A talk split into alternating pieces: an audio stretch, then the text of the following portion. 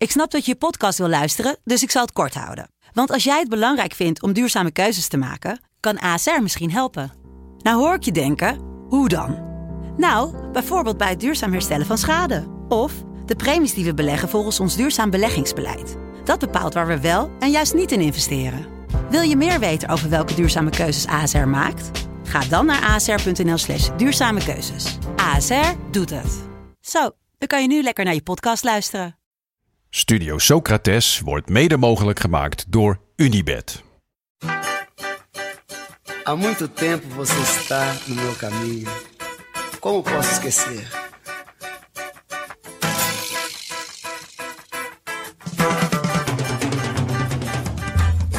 Welkom bij Studio Socrates, een podcast over iconische voetbalteams uit het recente verleden.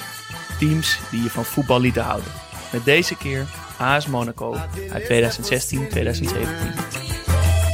Menina, no seu jeito de olhar. Tirou! Sócrates. Menina, no seu modo de andar. Ergens in Frankrijk, op de grens van land en zee, ligt het op één na kleinste land ter wereld. 2,03 vierkante kilometer, schoon aan de haak. En die haak, die is schoon. Vraag dat maar aan de 40.000 Monegasken die er wonen zonder belasting te betalen. Voor het overgrote deel zijn er trouwens helemaal geen Monegasken. Slechts 17% van de inwoners is van origine Monegask. De rest is Frans, Italiaans of wat dies meer zegt.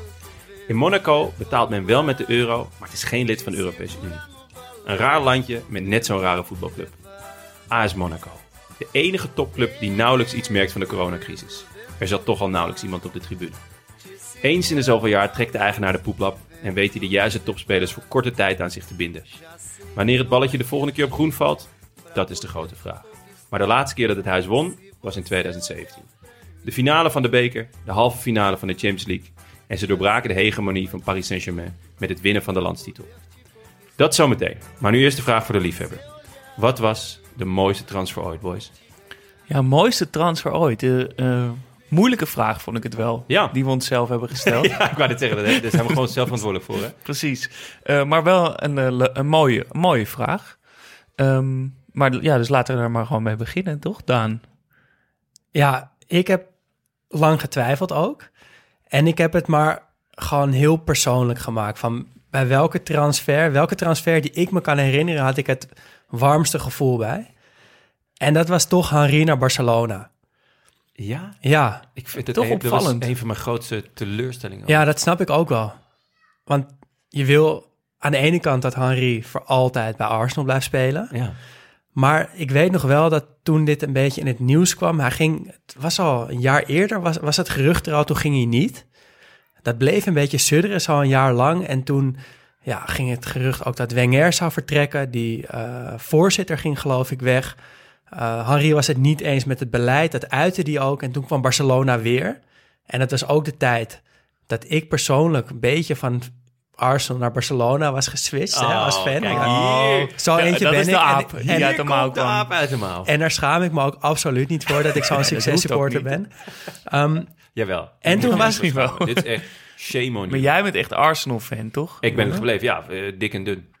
Vooral dun momenteel trouwens. Dus voor jou was het misschien wel de ergste ja, ik, vond het, transfer. ik baalde hier echt van. Ik baalde hier echt van, ja. Zeker. Maar we laten Daan nog even ja, daarom, hij is uitgrazen. de, ja, de rat. Ik zat het woord.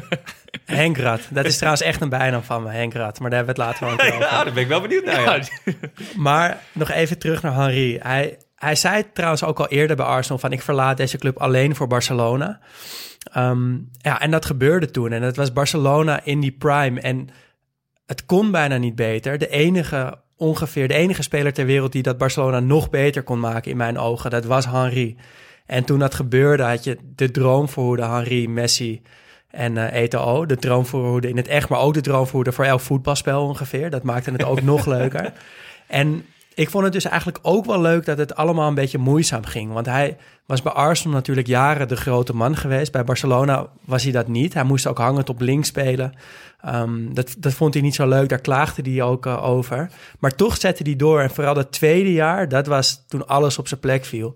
En toen Henry ook bij Barcelona het niveau haalde wat hij bij Arsenal altijd aantikte. Ja, vond je? Ja, dat, dat jaar wel. En toch, tuurlijk, hij was daar niet de grote man zoals hij bij Arsenal, bij Arsenal de grote man was. Maar het is wel op een gegeven moment, in ieder geval op een aantal momenten op zijn plek gevallen. Ehm, en ja, dat was voor mij een soort van, oké, de, de voetbalhemel. Henry gaat nu ook nog naar Barcelona. Dit wordt het mooiste voetbal wat we ooit gezien hebben. Ja, de- hier komt volgens mij ook meteen mijn dilemma met het, eh, met het antwoord op deze vraag. Is dat het zo moeilijk is om het los te zien van het resultaat. Ja. Toch, je wil die transfer. Op papier moet dat gewoon de vetste transfer zijn. En ik denk als, als Henry dus was mislukt bij eh, Barcelona... en daarna was verdwenen in Amerika... hadden we het verschrikkelijk gevonden. Maar Ja. omdat het daar zo'n vet team werd... en die daarna dus ook nog eventjes terug is geweest... eh, wat trouwens ook werd genoemd op de Vriend van de Show als Ja, en dat de, maakte de deze mooiste... transfer op een bepaalde manier ook nog heel mooi. Want het opende de deur voor een terugkeer van Henry Ja, naar Arsenal. ja en maar die terugkeer was ook geweldig. Ik ben het ja, gewoon niet helemaal eens dat hij gelijk. niveau heeft gehaald. Ja. Toon op eh, Vriend Nee? van de Show, die, Nee. die vond juist de terugkeer eh, de, de mooiste transfer Snap ik ook heel goed.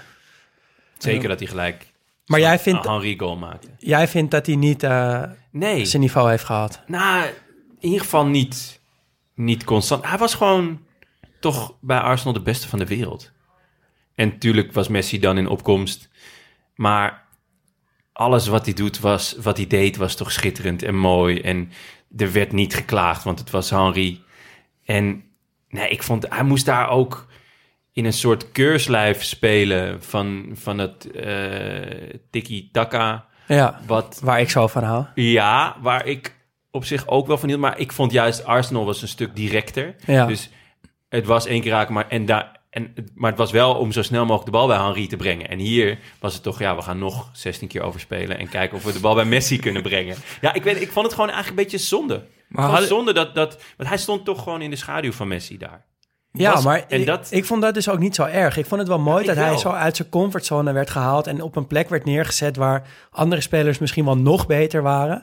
En dat het een beetje de vraag was van, ja, gaat dit werken? Gaat dit lukken? Ja, dat is gewoon... En, en het tweede jaar ging het echt lukken. Want toen ook met Henri, want toen heeft hij volgens mij meer dan 25 keer gescoord. Ze Ja. wonnen dat jaar alles wat er te winnen viel. Alleen hadden ze niet alleen Henri die zo goed was, maar ook nog Messi en ook nog Eto'o en ook nog Busquets en ook nog Xavi en ook nog Iniesta. Maar denk je dat het was gaan knagen als, als hij was gebleven bij Arsenal? Dat, je, dat wij als Zeker. supporters misschien altijd hadden gedacht... wat als, wat Dat. als hij wel naar Barcelona Dat was ook. Nee, wat als hij wel dat was iets... Ja, en ook voor hemzelf. Want hij, hij was inderdaad de beste, een van de beste van de wereld. En dan was het weer transferzomer in Londen. En dan kwam weer de ene na de andere speler uit de B-garnituur in zijn team spelen. En ik kan me zo goed voorstellen dat je dan zelf ook een keer denkt, hoe trouw je ook bent aan je club, dat je denkt van ja jongens, als jullie weer met eh Socrates komen of met, eh, nou ja, wie hebben ze allemaal gehaald die er echt een pepernoot van konden, dat je op een gegeven moment denkt van nou, dan ga ik zelf mijn hel eens een keer ergens anders zoeken. Ja, nee, ja, dat is wel een beetje de vloek geweest van, van Arsenal. Ik bedoel, eh, dat zie je ook, dat zag je ook bij Van Persie en Fabregas. Ja. En eh, dat het na de Invincibles toch nooit meer was, of is geworden zoals het was. Alleen ja, ik, nee, het deed veel pijn. En ik, en ik vond dus ook, ik vond het gewoon geen goede match, eigenlijk. En volgens mij klikte Maar het had ook jij hem dan- Guardiola. Had jij hem, als, je, als hij naar een, andere team, een- naar een ander team was gegaan... waar hij wel heel erg op zijn plek was geweest... had je dat dan wel vet gevonden? Mm, ja, wel vetter. Ja. ja, had ik gewoon wel, wel vetter gevonden. Omdat ik, ik vond het een beetje beneden zijn niveau om in dienst te gaan spelen. Ik vond het juist zo voor hem spreken dat hij dat wel aandurfde gewoon. Ja. Ja, het verschil tussen jou en mij, denk ik. Want jij zegt, jij vond het vet dat hij uit zijn comfortzone ging. Terwijl ik, ik went al jaren heerlijk in mijn comfortzone. het heet ook niet voor niets de comfortzone natuurlijk. ik, ja, het is echt, eh, ja, mijn leven is één grote comfortzone. En eh, ja, misschien, misschien is dat het verschil. Misschien is dat het verschil, ja. Maar dan kom jij nu met een hele rare transfer op de proppen, denk ik. Zeker, die is, die is absoluut buiten mijn comfortzone. Oh, Nee. dat wel, toch Ja. wel. nou ja, het is, eh, inmiddels is het ook wel mijn comfortzone. Maar nee, eh, mijn eh, mooiste transfer... en dat is, heeft ook te maken met het verhaal daarachter, denk ik... maar ook met hoe, hoe het ineens een succes kan zijn... is eh Pelle naar Feyenoord. Oh, gelukkig. Ik was even bang dat je Cerise naar AMVJ zou zeggen. om het in je comfortzone te houden. Ja, goed, eh, ik heb nooit een transfer gemaakt. Ik heb daar gespeeld vanaf mijn vijfde. Jij bent Dus, eigenlijk de Henri van ANVJ. eh, dat, zo zou je het eigenlijk wel kunnen stellen. Iets minder snel, maar eh, nee. Oké, maar Pelle naar Feyenoord. Ja, ik was eigenlijk namelijk, ik was bij AZ best wel fan van Pelle. Ondanks dat hij er eigenlijk helemaal niks van bakte. En, maar hij was wel echt groot talent altijd. En het was best wel gek dat hij als Italiaan eh, in de jeugdopleiding van AZ kwam eigenlijk. En hij ja, mislukte valikant, ging vervolgens weer terug naar Italië. Kwam bij Parma terecht, geloof ik. En daar was hij op een zijspoor geraakt, ook in mijn hoofd.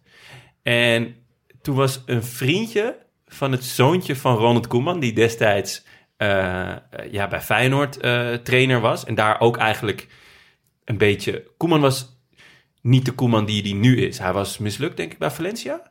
Ja, de treinen waar die toch nooit had moeten opstappen. De trein die, die maar één keer, helaas maar één keer langs kwam.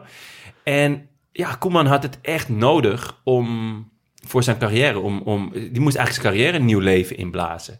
En hetzelfde gold voor Pelle. En op een gekke manier komen zij in contact met elkaar. Via het zoontje, eh, via het zoontje van Koeman dan, en dan dat vriendje daarvan. Ja, die was op Ibiza, toch? Op Ibiza. Ibiza, Ja, zo, is in ieder geval op het strand. Ja. Een mooi detail. Dat is eraan. ook sowieso een mooi moment om Graziano te treffen natuurlijk. Eh, Lekker zongebruind, Ja. zo helemaal in de olie. Ja. Heerlijk. In een heel klein zwembroekje. Ja, waarschijnlijk wel. En ehm, die, ja, zo is het balletje gaan rollen. En toen is hij naar Feyenoord gegaan. En eh, eh, ik, ik, was daar, ik vond het eigenlijk best wel vet. Eh, maar ja, ik had wel zoiets van poep. Ik weet niet of dit gaat werken. Maar het werkt gewoon echt heel goed. Maar op papier passen het toch ook niet? Van die, Totaal niet. Die havenarbeiders en Ja. dat, dat, dat hele fanatieke legioen... en dan zo'n hele mooie, gesoigneerde Italiaan daar in de spits. Inderdaad. En die, die... Ik weet nog, de, de eerste wedstrijd, of de tweede wedstrijd of zo... want het, het ging er ook... Zijn statistieken waren verschrikkelijk. Hij scoorde nooit. En hoe ging Feyenoord hier nou wat van maken? En Feyenoord heeft natuurlijk ook wel echt... een heerlijke lijst met waardeloze spitsen. Ehm, dus ja, dit had ook zomaar daarin kunnen vallen. En toen, een van die eerste wedstrijden, toen schoot hij... en hij werd aangeraakt en daardoor hobbelde hij erin. En niet gelijk na de wedstrijd was er een, eh, een interview. En, eh, en hij, zo, eh, hij was echt fel dat dit echt zijn goal was. Want ja, je eerste goal als spits, dat is gewoon een, een, een barrière waar je tegenop moet. En later, ja, toen maakte hij de ene goal na de ander. Want het, het, het, ja, het, het zat als een... eh, Het klikte. als- het Ja. klikte als een, als een fijn eh, wit jacketje. Wat hij Ja. best zou kunnen dragen, toch? Ja, we hebben het al Zeker. best wel veel over Pelle gehad in de, Zeker, in de bij- podcast. en, ja. Valt, me, valt me toch wel, had klopt. ik niet En- verwacht En het is eh, de, de gemene deler tussen mij en mijn, eh, en mijn geliefde. Ja. Dus eh, ja, Ja, ja. vandaar dat het... eh, ja, twee verdetters Dus op heeft- één kussen. Daar slaapt Graziano tussen. Ik heb het al eerder gezegd. Ja. En eh, dus vandaar, ik vond het echt... eh, hij is later... Ook hij is nog met Koeman meegegaan. Niet meer de. Southampton. Ja, heeft hij het nog wel goed gedaan? Ja. Daarna naar China, nu weer in Italië. Bij zijn rentree gelijk gescoord met een omhaal, geloof ik. Dus eh, ja, ik, ik gun Graziano de wereld. Mooi. En jij, Ja, nou ja, dus eh, ik, zal mijn eh, dilemma ehm, nog verder vertellen in, in, de, in, de, in mijn antwoord. Want ik dacht dus, ja, ik moet het gewoon helemaal niet, eh, niet kijken naar hoe, hoe het heeft uitgepakt. Die, gewoon op papier, zeg maar, als je de foto ziet van de speler met dat shirtje dat hij vasthoudt bij, de, bij de, zijn presentatie, dat, dat die foto moet gewoon het vetste zijn. Dus toen eh, neigde ik naar eh, de Rossi die naar Boca Juniors ging. eh, twee jaar geleden. Ja, maar dat is jaar. op papier echt inderdaad de perfecte transfer. Ja, ik vond het zo passend. Ik vond het zo, zo vet dat zo'n zo'n echte Romein... die zijn hele leven daar heeft gevoetbald... naar zo'n club ging. Ik vond Ja. dat zag er gewoon echt heel goed uit. En hij heeft natuurlijk ook een beetje zo'n grove, bonkige kop. En, eh, eh, Had je dat is- dan ook bij Seedorf naar Botafogo bijvoorbeeld? Nee, ja, minder. Maar dat komt omdat Botafogo ook niet zo'n mooie club is als Boca. Ja, ja, ja, snap ik. Ik vind Boca is al toch een soort enorm Ja. romantische, heftige eh, Ja. club. En Ja. dan ook nog zo'n cultspeler erbij. Maar ja, hij heeft, en ik dacht, ik kies dat, want hij is daar heel erg mislukt. Hij kwam er niet aan spelen toe. eh, hij, hij Pakte ja, wel gelijk een rode kaart, dacht ik. Ja, dat zou wel kunnen, ja. Maar, dus ik dacht, ik kies het gewoon puur op de transfer. Maar ik heb het niet gekozen. Jezus, wat een antwoord. Ja. Want ik dacht, ik moet voor Cruijff naar Barcelona gaan. Ja? Ja, toch. Ik denk niet dat er ooit een transfer is geweest die zoveel impact heeft gehad op een club. Nee. Die de, Dan denk ik, nou, Maradona Napels misschien. Ja, Ja, misschien. Ja, dat zou... Maar ja, je, dat ze nu nog steeds in de top zijn, in de Europese top, en de manier van spelen eh, hetzelfde is, en dat hij daar nog coach is geweest, dat hij Ja. zoveel Hij zit Ja. echt- impact heeft echt Nou, en dat bij die DNA. presidentverkiezingen van afgelopen maand, dat hij daar ook constant genoemd werd door die Ja. Laporta. Ja. Gewoon zijn geest leeft daar nog steeds. Ja. Dus eh, vandaar dat ik toch, toch wel voor de impact ben gegaan, maar dan dus voor volgens mij de, het allermeeste impact die, Ja. impact die een speler ooit heeft gehad. Ja. Eh, en Uh, dat werd ook nog, eh, op Vriend van de Show werd, Cruijff ook, werd ook nog een transfer van Cruijff genoemd. Ik weet even niet meer door Ja. wie, maar van Cruijff eh, van Ja. eh, Ajax naar Feyenoord. Door Marlon van Oh, ja? Cruijff die naar, die naar Feyenoord ging. Ja, eh, ik weet niet of jullie het Ook boek hebben gelezen. Het, eh, het laatste jaar van Cruijff. Nee, over niet. zijn seizoen bij Feyenoord. Dat is echt een heerlijk boek. En dat is echt gewoon een man, Cruijff, op rancune. Ja. Ik bedoel, het is echt puur rancune. Het bestuur van Ajax dat niet verder met hem wou of, of te langzaam deed daarover. En echt op rancune en natuurlijk ook heel veel kwaliteit nog. Maar hij was echt al versleten qua fysiek. Maar zo vet dat hij dat, dat, hij dat gewoon flikt. En dat je dat Ja. dan een jaar lang volhoudt. Ja, een jaar lang. Dat dat gevoel weet op te roepen om, Ja. om, om daarop eh, te Ja. teren. Hadden we nog meer mooie inzendingen? Ja, ik vond eh, eentje die ik compleet over het hoofd had gezien, maar die ik eigenlijk net zo goed zelf had kunnen noemen, is de transfer van Yoon Soek naar Ajax. Ja. Het was ook niet geheel toevallig dat mijn broertje die eh, instuurde. en dat verhaal is eigenlijk ook te episch voor woorden. Gewoon, Echt de jongensdroom. Ja, gewoon een Zuid-Koreaan die... Ik geloof dat hij dus op stage was geweest in Engeland. Dat, dat eh, lukte allemaal niet. En toen dacht hij... Nou, ik vind Ajax zo'n mooie club. Ik ga daar gewoon langs het trainingsveld staan. En ik ga aan de trainer vragen of ik mee mag trainen. Gewoon wat je doet als je zes bent bij, Ja. bij je amateurclub, bij het team van je broer. hey, mag, ik, Ja. eh, mag ik alsjeblieft meedoen? Ja. Nou, en Soek eh, hield dat dus een paar dagen vol. Want nou, natuurlijk, in het begin ging Jol daar niet op in. En op een gegeven moment dacht hij van... Nou ja, weet je, hij staat er nu al een paar dagen. Hij loopt de hele tijd te roepen dat hij de best Korean striker is. Laten we hem, eh, laten we hem een kans geven. En Jol heeft dat zelf een keer mooi uitgelegd. Ehm, laten we daar even naar luisteren. En dan zal ik daarna even vertellen. Want hij, hij heeft nog best wel een mooie carrière gehad. Maar dat komt hierna. Nou, wij zaten in de arena in die tijd. En dat, eh, dat was ook daarvoor al met Van Basten. En dan moet je, moest je al die trappen af. Die stenen trappen naar beneden naar het trainingsveld. I see the training is like a fans. I wait uh, outside. En toen hoorde ik ook af en toe, en dat hoor je vaker, een handtekening hier. Maar je loopt, soms ga je erheen en soms loop je door. Dus die eerste keer weet ik nog dat ik iemand in het Engels hoorde roepen: Sir, sir, sir. I remember uh, first time uh, he he he done here. En ik denk, wat staat hij te roepen? Maar ja, ik liep door. Tweede dag kwam ik en weer datzelfde jongetje. Dus je kunt wel nagaan, die zijn gewoon in Amsterdam gebleven. En eh, nou ben ik naar het hek toe gegaan en toen zei hij... Sir, I've got a boy. He's one of the best talents in Korea, in my country. I come from South Korea, but I'm best striker.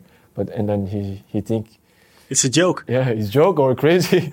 Ik denk, ah, dan heb je er weer zo één, hè? Want dat heb je vaker. Als je, je, je hebt natuurlijk allerlei gasten die willen een carrière, maar dat gaat niet. Want Ajax heeft zijn eigen opleiding. En daar kun je niet zomaar allerlei verdwaalde spelers tussen laten vallen. and then Martino say, uh, okay, maybe let's try it tomorrow, maybe. Dus ik dacht, nou, als we daar nou weer een Kluivert, Kieft, Bosman... Hè, je kent het verhaal van Ajax, er komt nooit meer een spits door na die drie. Of zeker na Kluivert, dat is de laatste. Dacht ik van, nou, je, je weet het nooit hoe een koe een haas vangt. Ja, ongelooflijk toch? Ja, dit is echt. En eh, er zit wel één heel typische zin in dat Jol zegt van. eh, ja, eh, we hebben de hele jeugdopleiding, dus je kan niet zomaar wat verdwaalde spelers hier rondzetten. Daar stond hij wel een beetje op bekend. Ja. Ik bedoel, als je bij één tra- trainer dit kon proberen, dan was het wel bij Jol, toch? Ik denk Ja, niet dat je dat nu maar- bij Ten Hag moet proberen. dat gaat niet werken. eh, ja, morgen eh, m- misschien meedoen. maar eh, morgen. Voor, ploeg, eh, voor team, eh, verband, eh, belangrijk. Nou, Maar ik ik, za- ik zag dus ook eh, het debuut van Soek en dan komt hij erin voor Pantelic. Nou, dan weet je dus echt de tijden zijn veranderd. Als, als Soek erin komt voor Pantelic Ja. in een Ajax-shirt. Oh, Maar hij, ja, hij brak bij Ajax niet door. Maar hij heeft bij Jong Ajax, ik keek toen veel Jong Ajax, nog steeds eigenlijk wel, echt goed gespeeld. En hij maakte er hele goede goals. En op een gegeven moment dacht ik echt van, nou, hij kan echt wel goed voetballen. En misschien redt hij het wel bij Ajax. Nou, dat gebeurde niet. Ehm, hij ging naar Groningen. Daar scoorde hij tegen Feyenoord en tegen PSV, waardoor zijn cultstatus onder de Amsterdammers nog groter werd natuurlijk. Ehm, en uiteindelijk is hij in Portugal terechtgekomen en verdiende hij via een kleine club een transfer naar Porto. Dus dat, dat Ja, was echt heel heeft hij knap. echt nog goed gedaan. Hij heeft het daar echt goed gedaan en hij speelt nu al een aantal jaar in Frankrijk. En het is allemaal niet heel bijzonder, maar hij heeft wel gewoon echt een, een profcarrière van al, al bijna tien jaar gewoon Ja. erop zitten. Heel. En ik vind het zo'n zo'n mooi verhaal. En ook, ja, dat, die kans is natuurlijk gewoon ongeveer 0%, maar het kan dus wel.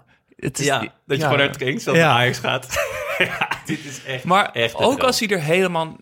Ook als Ronaldo aan het trainingsveld had gestaan... had je hem niet laten meedoen. Tuurlijk niet. Toch? De, de, het kan helemaal niet. Nee. Nee. nee. En Maar je, ik heb wel eens gewoon gedroomd dat ik in de arena zat... en dat er twee spelers geblesseerd raakten. En dan weet ik veel. Of iedereen geblesseerd. Dat Tuurlijk. is, kan er iemand... ja. Oké, ik, ik doe wel mee. ja, tuurlijk. Volgens mij hebben we allemaal zo'n droom wel eens Ja. gehad. Maar dat dat dan echt gebeurt. En dat je echt je debuut maakt. Heel vet. En ik heb trouwens nog een. eh, ik, heb, ik ben echt fan van hem geworden. Dus ik heb ook een shirt van Soek. Een Porto-shirt met eh Ja? Soek achterop. Ja, Ook lekker goedkoop. ben ik heel trots op. lettertjes.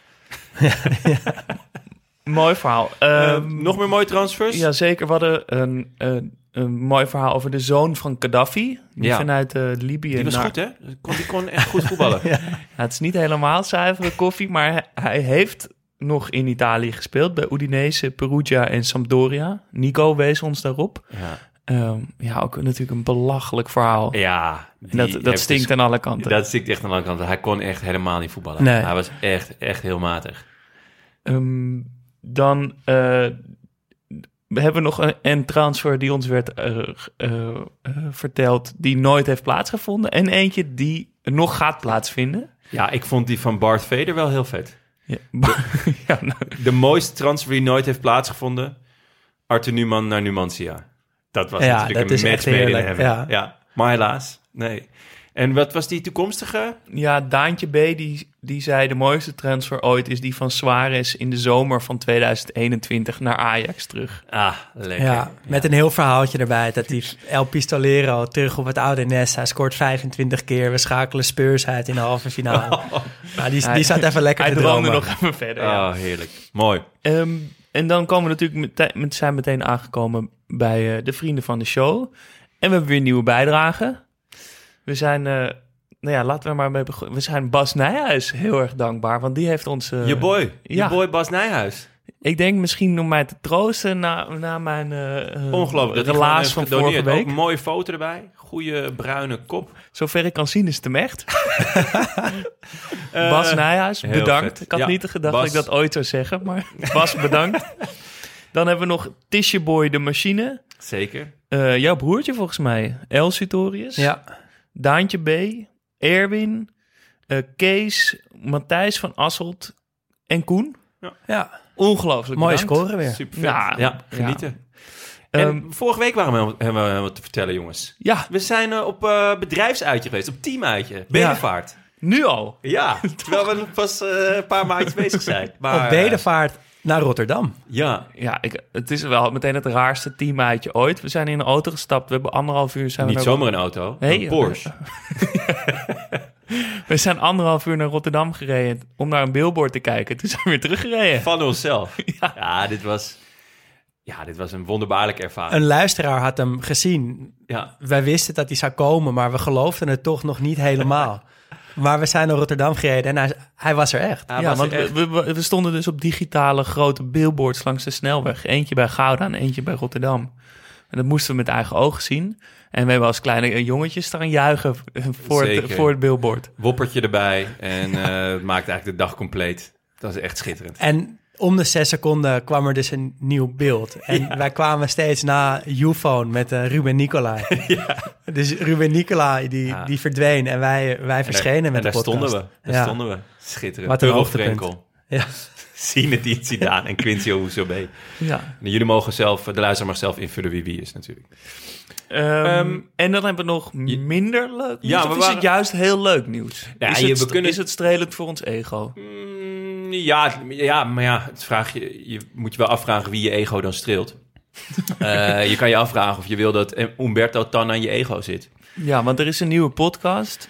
Ja, eh, we gaan de naam niet noemen. Nee, we gaan eh, geen reclame dat, noemen. eh, dat is het niet waard. Maar ja, die hebben gewoon... eh, die dachten van... Hé, hey, dat Studio Socrates, dat is een leuk eh, idee. Dat eh, kopiëren we. Ja, het brengt die in een rare situatie. Hu- Humberto Tan heeft, is dus een podcast begonnen... wat Over legendarische EK-teams. eh, ons, Ja. ons format volgt. Het begon met een tijdsbeeld. Met wat Ja. politieke gebeurtenissen en eh, wat eh, ja, het jaar. Ja, wat hitjes en eh, wie er bovenaan stond. En daarna een basisopstelling. En hij kan natuurlijk met zijn star power gewoon Rafael van der Vaart uitnodigen. Dus dat had hij ook gedaan. Ja. Ja, dus... eh nou, Nee, ik vind ken- het moeilijk om daar iets van te vinden. Vind Nou, ik, het nou, ik vind het echt lelijk dat iemand met veel connecties en geld en een hele machine erachter dan Ja. zo'n kleine podcast als wij kopieert. Aan de andere kant denk ik, nou, nou, we zijn dus ook goed bezig. Dat zelfs Humberto Ja. Tan ons eh, Ja, zeker. Maar, ja, heeft beluisterd of zo. Ja, ik vind, ik vind wel dat, en dat heb ik hem. eh, ik, heb, ik heb gewoon. eh, ik heb het, het, het zwaard opgepakt. En ik heb gewoon iets getwitterd, jongens. Voor het eerst Humberto. Tan. Ed Humberto Tan. Van hey, eh, pik, kopiëren kost een kwartje. En nou, wel heel veel leuke reacties van mensen die, die mij en ons volgen. Dat onze podcast leuker en beter was. En dat we het als een compliment moeten zien. Ah, Umberto heeft niet gereageerd. Jammer, maar laten we het dan vooral als compliment maar zien, Ja. toch? Ja, We gaan gewoon lekker eh, door. Ja, Ehm, en met, dan met, zoals net hè? zoals Humberto. naar het tijdsbeeld. Tijdsbeeld. Ja, jongens. 2016, 2017. Het is nog niet zo heel lang geleden. Maar eh, ja, ik weet niet hoe dat voor jullie is. Maar voor mij voelt het echt als een eeuw door de huidige situatie. Dus ik zal jullie er kort even doorheen lopen. Wat, eh, ja, wat, wat kleine nuanceverschillen tussen toen en nu. Eh R. Kelly was gewoon nog gezellig. Eh, Als eerste. ja, zeker. Ja, dat mag niet meer. Mag echt niet meer. Nee, ik luister het niet meer hoor. Fred Teven, de Teefmeister, was nog geen buschauffeur. Ongelooflijk. Die was gewoon nog op zoek naar bonnetjes. DMX lag nog niet in het ziekenhuis eh, met een crackverslaving. Crackverslaving was er wel, het ziekenhuis nog niet. Ik vond dat geen leuk nieuws hoor, toen ik dat deze week ik las. ook niet. Eh where the who that, weet je? Eh, ik, mijn, eh, ik ben groot fan van DMX. Ik ook. Voornamelijk eh, vanwege het nummer. Eh, waarin hij toch gewoon alle namen opnoemt van chicks die hij heeft gepaald. ja, als je daar een nummer op kan maken, dat, ja, dat kom je gewoon wel in de Hall of Fame. Ehm, maar dat, nee, dat was schrik, ja. Dat was eh, ellende. Eh, Bilal Wahib was nog geen pedo. DMX, als je dit hoort, sterkte. Ja, inderdaad. Vanuit, eh, vanuit Studio Socrates. Eh Wiebe van Haga eh, was slechts een simpele huisjesmelker. En Marco Borsato paalde alles wat los en vast zat zonder dat iemand ervan wist. En eh, Corona was gewoon nog een biertje waar je om onduidelijke redenen een stukje limoen in propt. Eigenlijk is alleen Mark Ruddy hetzelfde gebleven. Een vrolijke, visieloze huigelaar met zorgwekkende vormen van dementie op jonge leeftijd. Klein quizje jongens, wat is het kleinste land ter wereld? Monaco. Een- Oh nee, was het ene kleinste land, het ene kleinste, ja. Een kleine callback naar mijn... naar mijn eh, Gibraltar? Nee, nee. Dat is, dat is, dat is de kleinste rots ter wereld. Nee. San Marino? Bijna. Nee. Liechtenstein. Ja, die komen, Luxemburg. komen in de buurt. Vaticaanstad. Ah, Zo shit. gewoon moeten ja. weten ook hoor. Ja, Ja, ja, eigenlijk wel. Ehm, welke speler uit de huidige selectie van Ajax speelde ooit een seizoen bij AS Monaco? Uit de Oeh. huidige selectie van en Ajax. het bleef stil. Ja. Eh, Goh, jongens. ja, het, ik, ik, Teleurstellend. nou, als zelfs Daan het niet weet, maak ik me ook minder zorgen. Ja, je gaat ook gelijk rechtop zitten. Ah, het is helemaal niet Ja, als Daan niet weet, dan weet, Nee, zeg- weten zeg weinig maar. Maart mensen. Stekelenburg. Nou, dat kan, ik, kan, ik geloof heeft, je eh, gelijk, maar ja. ik kan het me ook niet meer voor de geest heeft daar een houden. jaartje, eh, ik denk op huurbasis gezeten. Maar wa- ik denk dat hij bij AS Roma speelde en toen is hij daar eh, aan verhuurd. Ehm, welke speler uit de huidige top van de eredivisie eh, is een geboren monegask? Blijf weer stil, eh, Jonne. Nou, ik, heel misschien Antonucci, zou dat kunnen? Nee. Die heeft daar wel in de jeugd dan gespeeld. Ehm, nee, eh, Boskagli Ah, van eh, PSV. Ehm, oh ja, en tot slot. eh, elk jaar wordt het Monte Carlo ATP tennistoernooi eh georganiseerd door Monaco. Maar wat is nou zo, zo frappant aan dit toernooi? Nou, dat Robin Haas eh, meedoet. dat Robin Haase de tweede ronde ooit heeft gehaald.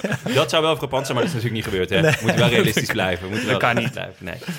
Nee, nee ehm, ja, het eh, toernooi is niet in Monaco. Want er is niet, niet genoeg ruimte. Dus het is in het buitenland. Er zijn, er zijn toch tennisbanen genoeg, zou je denken? Dat in zou je Monaco- zeggen, in maar Monaco. eh, ja, die twee vierkante kilometer zijn gewoon vol met eh, casino's. Dus het wordt wel zo genoemd, maar het wordt Ja. ergens anders gehouden. Ja, heel raar toch? Marketingtruc. Ja, ja zeker. Maar ja, dat is, eh, Mon- daar is Monaco natuurlijk gewoon heel goed in. Oké, eh, dat was eh, mijn tijdspel, jongens. Worden die quizjes nou moeilijker of worden wij minder goed erin? Want ik heb het idee Nou, we dat de laatste gewoon- quizjes hebben Ah, gewoon worden- alles fout. Ze worden vooral veel willekeuriger.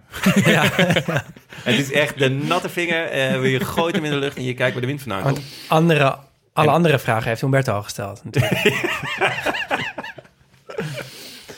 Oké, nou laten we dan naar de opstelling gaan. eh, net als Humberto.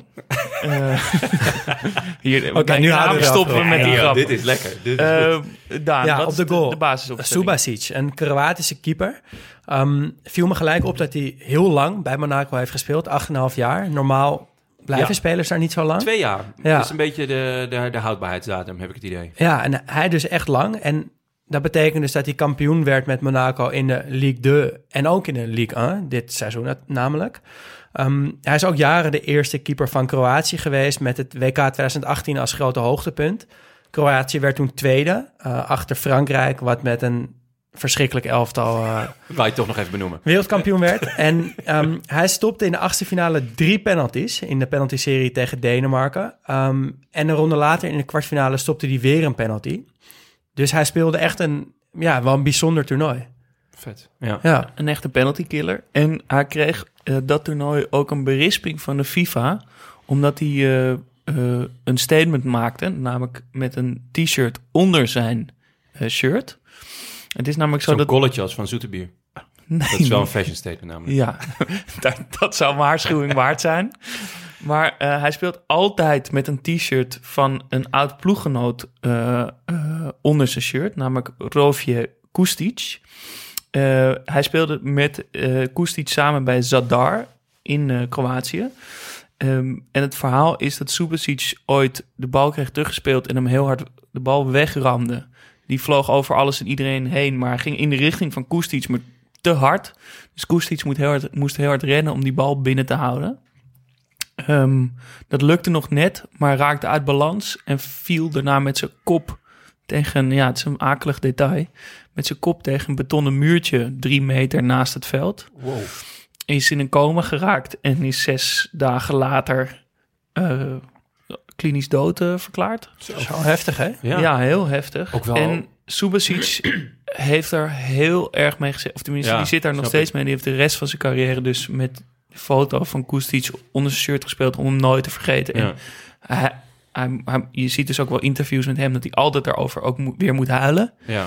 En zegt dat hij zich daar schuldig over voelt. Ja. Dat Ja, hij denkt, ja, wat ik als wel, ik die maar- bal beter had geraakt... wat ik als ik naar Ja. iemand anders had gespeeld. Ah, hij als, kan er nat- als. natuurlijk niks aan doen, maar ik, ik snap dat gevoel wel. Je hebt, je hebt het toch ook gehad met eh, die jongen van FC Utrecht, Ja, die Mia. Neesu, die Ja. in een duel met Schut, geloof ik dat het was, Ja, volgens mij. eh, klein setje kreeg en helemaal verkeerd terecht kwam en nu voor altijd in een, in een rolstoel zit. Ah. En ja, daar kan Schut natuurlijk ook niks aan doen, Nee. maar als je daar ook maar iets mee te maken hebt, dan kan ik me wel voorstellen dat Ja. je altijd zo'n gevoel hebt van wat als. Ik vind Ja. vooral ook dat de architect wel mag aangesproken worden, toch? Drie meter Ja. naast het veld, een betonnen muurtje. Ja, het gebeurt wel eens zo'n duel. Dat je, Ja, weet je wel, dat je bent allebei op snelheid, je geeft een klein zetje mee. Ja, dan kan je echt wel drie meter verder liggen. En dat hoeft niet eens een gemeen duel of zo te zijn. Ja, Dus, in, ja ik, ik stel me ook een soort heel heftig betonnen stadion op een laag niveau in Kroatië Ja. voor. ja. Ehm, ja. Maar ja, nee, ja, eh, niet, niet leuk nieuws om Nee. mee, af te trappen. Maar, en wat, ik, al- wat dan ook nog helemaal triest is, vind ik dat de FIFA hem dan een waarschuwing geeft om dat shirt te laten zien. Come aan. waardeloze groep. FIFA, FIFA Mafia. Ja. Oh, statement hoor. Op Dat zou Umberto nooit doen hoor. Op rechtsback Sidi B. Een, ehm, een Franse verdediger die via Troyes en Lille bij Monaco terechtkwam. Eh speelde rechtsback dit seizoen en speelt tegenwoordig bij Everton. Zo kende ik hem. Eh, er gaat daar nu ook wel een belletje rinkelen van... oh ja, toen Ja. zat hij bij Monaco. Ehm, hij zat ook bij de selectie van Frankrijk... die wereldkampioen werd in 2018 Leuke ploeg. speelde, speelde weinig, maar was in dit systeem van Monaco wel heel belangrijk. Daar komen we straks nog wat langer over te spreken. Ehm, in het centrum stond Jamerson. Eh, een centrale verdediger eh, waarvan eigenlijk heel weinig terechtgekomen is. Al de- iedereen die we nu gaan bespreken, die, ja, die is ofwel goed terechtgekomen... of die ken je van dit seizoen of van een eerder seizoen bij een andere club. Maar deze man was ik helemaal vergeten. En voor Monaco en na Monaco heeft hij eigenlijk ook niks meer gepresteerd. Ehm, is inmiddels terug eh, bij Brazilië, bij Corinthians. Ehm, Ja, Ja. Ik Verder niks over Ik te had ook Nee, echt maar- nul herinnering Nee. aan deze man. gewoon helemaal niks. Ja. Ook Eh, wel eens leuk, toch? Naast hem stond Glik. Ja. Die kende ik nog wel. Ja. Ja, Een Pool, toch? Een Poolse verdediger die in 2010 in Italië belandde bij Palermo. Ehm, hier mislukte hij nog, eh, kwam via Bari uiteindelijk bij Torino terecht. En daar groeide hij uit tot een hele, hele, hele populaire speler. Dat kwam voornamelijk omdat hij in zijn eerste jaar van de Serie B naar de Serie A promoveerde. En toen meteen in de derby tegen Lazio uit en thuis met rood van het veld gestuurd werd. en sindsdien had hij de harten van de supporters veroverd. Echt in, in grote mate, want de lokale rapper... Nou, lokale rapper, hij heeft gewoon echt tonnen volgers op Instagram, zag ik. En dit, en dit filmpje is ook meer dan een miljoen keer bekeken.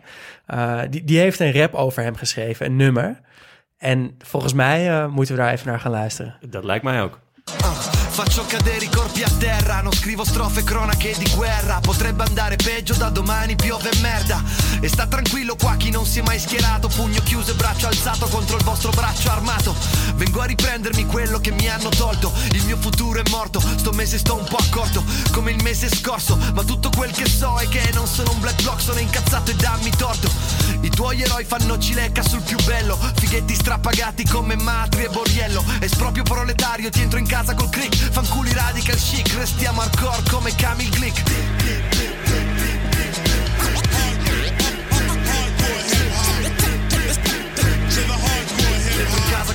restiamo hardcore come Camille cervello Wat een heerlijk refrein. Ja, Ja. dan ben je echt grote, hè? Hij zit gelijk in mijn hoofd ook. En de, de songtekst staat onder het YouTube-liedje in het Engels vertaald. Ja. En daarin, het refrein is dus vrij vertaald ongeveer dit. Your heroes just fizzle up when, it come, when comes the time. Overpaid posers like Matri or Borriello. Dat zijn die twee hele gladde Italiaanse spitsen die Ja. wat we nog wel kennen. Proletarian expropriation. I force your door with a jack. Fuck off all radical sheiks. Let's keep hardcore just like Camille Gleek. Zo, Mic drop. Ja, Ja. mic drop. Doe pak niet je Ehm, hard out. ja, hij werd, eh, hij werd niet verrassend ook aanvoerder bij Torino. Ja. Ehm, en kwam, ja, kwam bij Monaco en werd daar eigenlijk ook heel populair. En speelde er ook eh, een heel goed seizoen dit jaar. Wel echt lekker dat je gewoon met twee rode kaarten... gewoon dat je kostje gekocht is. Ja, Dat je gewoon binnenkomt, weet je wat, ik schop er gewoon in het midden. En eh, Half jaar te- half half jaar jaar- later doe ik het gewoon weer. Ja. en ik kan niet meer stuk. en dan ben ik het mannetje gewoon. Ja, Ja, heerlijk. Dat zegt ook wel veel, denk ik, over die club. Het moet een leuke club zijn. Ehm, op linksback, Benjamin Mandy. zo. Ja, die kennen we natuurlijk, want dat is Ja. nu de, nou ja, een van de 26 linksbacks van eh, Manchester City. Jezus, ja. Ehm, hij is opgeleid bij Le Havre en speelde bij Marseille voordat Monaco hem kocht. Ze kochten hem in die week dat City bijna 100 miljoen uitgaf aan backs. Want ze kochten eerst uh, Kyle Walker voor 40 miljoen. En een week later Benjamin Mandy voor 50 miljoen. Ik weet nog dat er toen heel veel ophef over was. En ook wel terecht, denk ik. Insane. Ja, en ook hij zat in het team van Frankrijk... wat in 2018 eh, kampioen werd. Ehm, ja, en nu bij City weet ik alleen dat hij altijd geblesseerd is ongeveer. En als hij speelt, dat hij een assist geeft. Dat is een beetje een soort van de, twee paden die uh, Mandy bewandelt. Ehm, en hij speelde bij Le Havre samen met, uh, met Mares. Dat is nog wel leuk Ah, om, uh, om te ja. weten. Ja, en daar speelt hij nu dan weer mee Ja, samen. Dat ja. is toch wel hoe, hoe, eh, hoe dat allemaal weer... eh, het Samen. cirkeltje weer rondkomt. Ja, Een beetje een rare, rare jongen volgens mij ook. Ook Een beetje grappenmaker. Ik, ik, ik heb niet echt een goede anekdote over hem, maar er zijn wel veel verhalen over dat hij de hele tijd grappen uithaalt. En Ja, een beetje De clown van de, groep. clown van de ah, groep is. nice. En, eh, ik had het er zwak voor. De, eh, eh, Bernardo Silva, die zei ook... als ik een, een appje krijg van, van eh Mandy... dan weet ik zeker dat ik moet lachen. Maar dan heeft hij weer een of ander raar ding. Vet. Ja, voor de verdediging speelde Fabinho, die nu eh, bij Liverpool speelt. Ehm, hij is door Rio Ave uit Portugal naar Europa gehaald. Uh, maar vertrok na een maand al op huurbasis naar Real. Ik heb, ik heb dit niet helemaal uitgezocht, maar dit, ja, dit neigt naar een soort van constructie of zo Ja. op een of andere manier. Ja, dat is altijd een beetje schimmig met die Portugese clubs. Ik heb het wel eh, een klein beetje uitgezocht. Oké, Want vertel. Zijn zaakwaarnemer is diezelfde zaakwaarnemer als van Ronaldo en eh Oh, Mourinho, Mendes. Die Jorge Mendes. En eh, die dacht, eh, ik moet hem eh, bij, een- bij eh, Mourinho, krijgt hij misschien nog wel speelminuten omdat hij ook in zijn stal zat. En dus er, daar is een soort deal gemaakt. En Mourinho was op zich ook wel van hem eh, gecharmeerd. Die haalde hem eigenlijk als een van de weinige spelers... af en toe wel bij de selectie. Of, van een waar, weinige spelers van Madrid B. Ehm, maar hij heeft uiteindelijk maar één wedstrijd gespeeld dus. En toen ging Mourinho weg. En toen is hij dus weer Maar het, klopt dus wel dat het een vooropgezet plan was. Ja, Ja, Ja, er en zit- dan Rio Ave werd dan een soort van gebruikt als... Ja, misschien Misschien bij sommige landen moet je toch een verblijfsvergunning of zo Ja. hebben. Misschien dat dat meespeelt, Ah, ik weet het niet. Maar ja. er, er moet iets geweest zijn. En als je zaakwaarnemer... natuurlijk die connectie. Ja, en als je zaakwaarnemer dan Jorge Mendes is, dan, dan weet je dus dat het inderdaad zo is. Ehm, hij speelde vooral in die wedstrijden tegen City echt heel goed. Tenminste, dat zijn natuurlijk een van de weinige wedstrijden die wij dan als niet-Monaco-fan dat jaar gezien hebben. Ja. Uh, hij leverde toen twee assists in Manchester en scoorde zelf in Monaco. Ehm, je zou verwachten dat hij meteen weggekocht werd, maar dat was niet zo. Hij bleef nog een jaar bij Monaco en pas een jaar later vertrok hij naar Liverpool voor 39 miljoen. En daar uh, nou, heeft hij natuurlijk de Champions League en gewonnen. Een jaar later de titel gewonnen. Uh, het duurde volgens mij even voordat hij echt de waardering kreeg die hij verdiende. Maar dat is nu wel echt, uh, echt wel een van de belangrijke spelers daar. Ja, ook heel veelzijdig. Als, Ja. eh, ze, ze zitten nu toch met, dat, eh, met die centrale verdedigers die allemaal geblesseerd Ja, zijn. daar kan hij ook spelen. Kan hij weer een linie naar achter. Maar we hebben het ook vaak over de nummer 6 positie gehad. Is Ja. hij dan wel een speler die jullie eh, kan bekoren daar? Ja, want ik Ja. vind hem dus wel iemand die echt heel goed kan voetballen. En hij heeft ook nog de kwaliteiten om het vuile werk op te knappen. De Hoover noemen ze hem. Ja, de stofzuiger. ja, als Ja. bijnaam, ja. Of de Dyson. De Dyson, Ja, omdat hij geen draad heeft. Hij is draadloos. ja zoiets. Nee, maar dit is echt een hele goede nummer 6. Hij heeft ook een mooie trap. Hij, hij scoort af en toe uh, Ja. ook nog een goaltje. Goede afstand uh, schoten. Dus dat is wel een nummer 6 waar ik, uh, ja, mij ook wel. waar ik warm van word. Mag wel en een leuk detail is dat zijn vrouw ook professioneel voetbalster Echt? was inmiddels. En die speelde op het moment dat hij bij Monaco speelde... op hetzelfde moment in het vrouwenteam Nee. van Monaco. Ja, dat is leuk. toch... Dat moet toch echt gezellig zijn, Ja. toch? Dat je samen Ja. s ochtends naar de training gaat. Ja, dat is wel echt leuk, ja. Ik zou niet weten of, dat, of dat wel meer voorkomt. Ja, goed, ja, ik ken mijn vrouw via voetbal, maar het is iets minder professioneel. Ik wil het niet helemaal vergelijken. nee. goed. Andere verdedigende middenvelder, Jean Moutinho. Op een of andere manier vind ik dat dus helemaal niks. Ik, ik weet niet zo goed waarom, maar dat, het ziet er allemaal wel mooi uit. Ehm, je komt hem ook overal tegen, voor mijn gevoel. Maar ik, ja, ik ben niet echt gecharmeerd van hem. Ik, ik, weet, ik zou ook niet zo goed Ja, kunnen als jij zeggen... het niks wat, vindt, dan vind ik hem waarschijnlijk heel goed. Ja, maar precies. om heel eerlijk te zijn, ik heb niet een heel uitgesproken mening over hem. Ik vind hem niet... Een beetje bleu of zo. Ja. Misschien is dat het dan wel. Ja, ja, dat zou goed kunnen, ja. Ik, het is niet dat ik... Ik zou er niet een kaartje voor kopen. Maar een soort kleine regisseur op het middenveld, toch? 1,70 meter. Ja, ik, ik, hij is klein, maar ik zou hem geen regisseur willen noemen. zo goed vind ik hem dus niet. Maar wat Maar dat wel... is toch een beetje zijn, zijn uitstraling of zijn rol? Ja, maar als ik hem dan... Ik, ik heb hem namelijk best wel vaak zien voetballen. Ehm, en dan denk ik altijd, ja, echt niks bijzonders.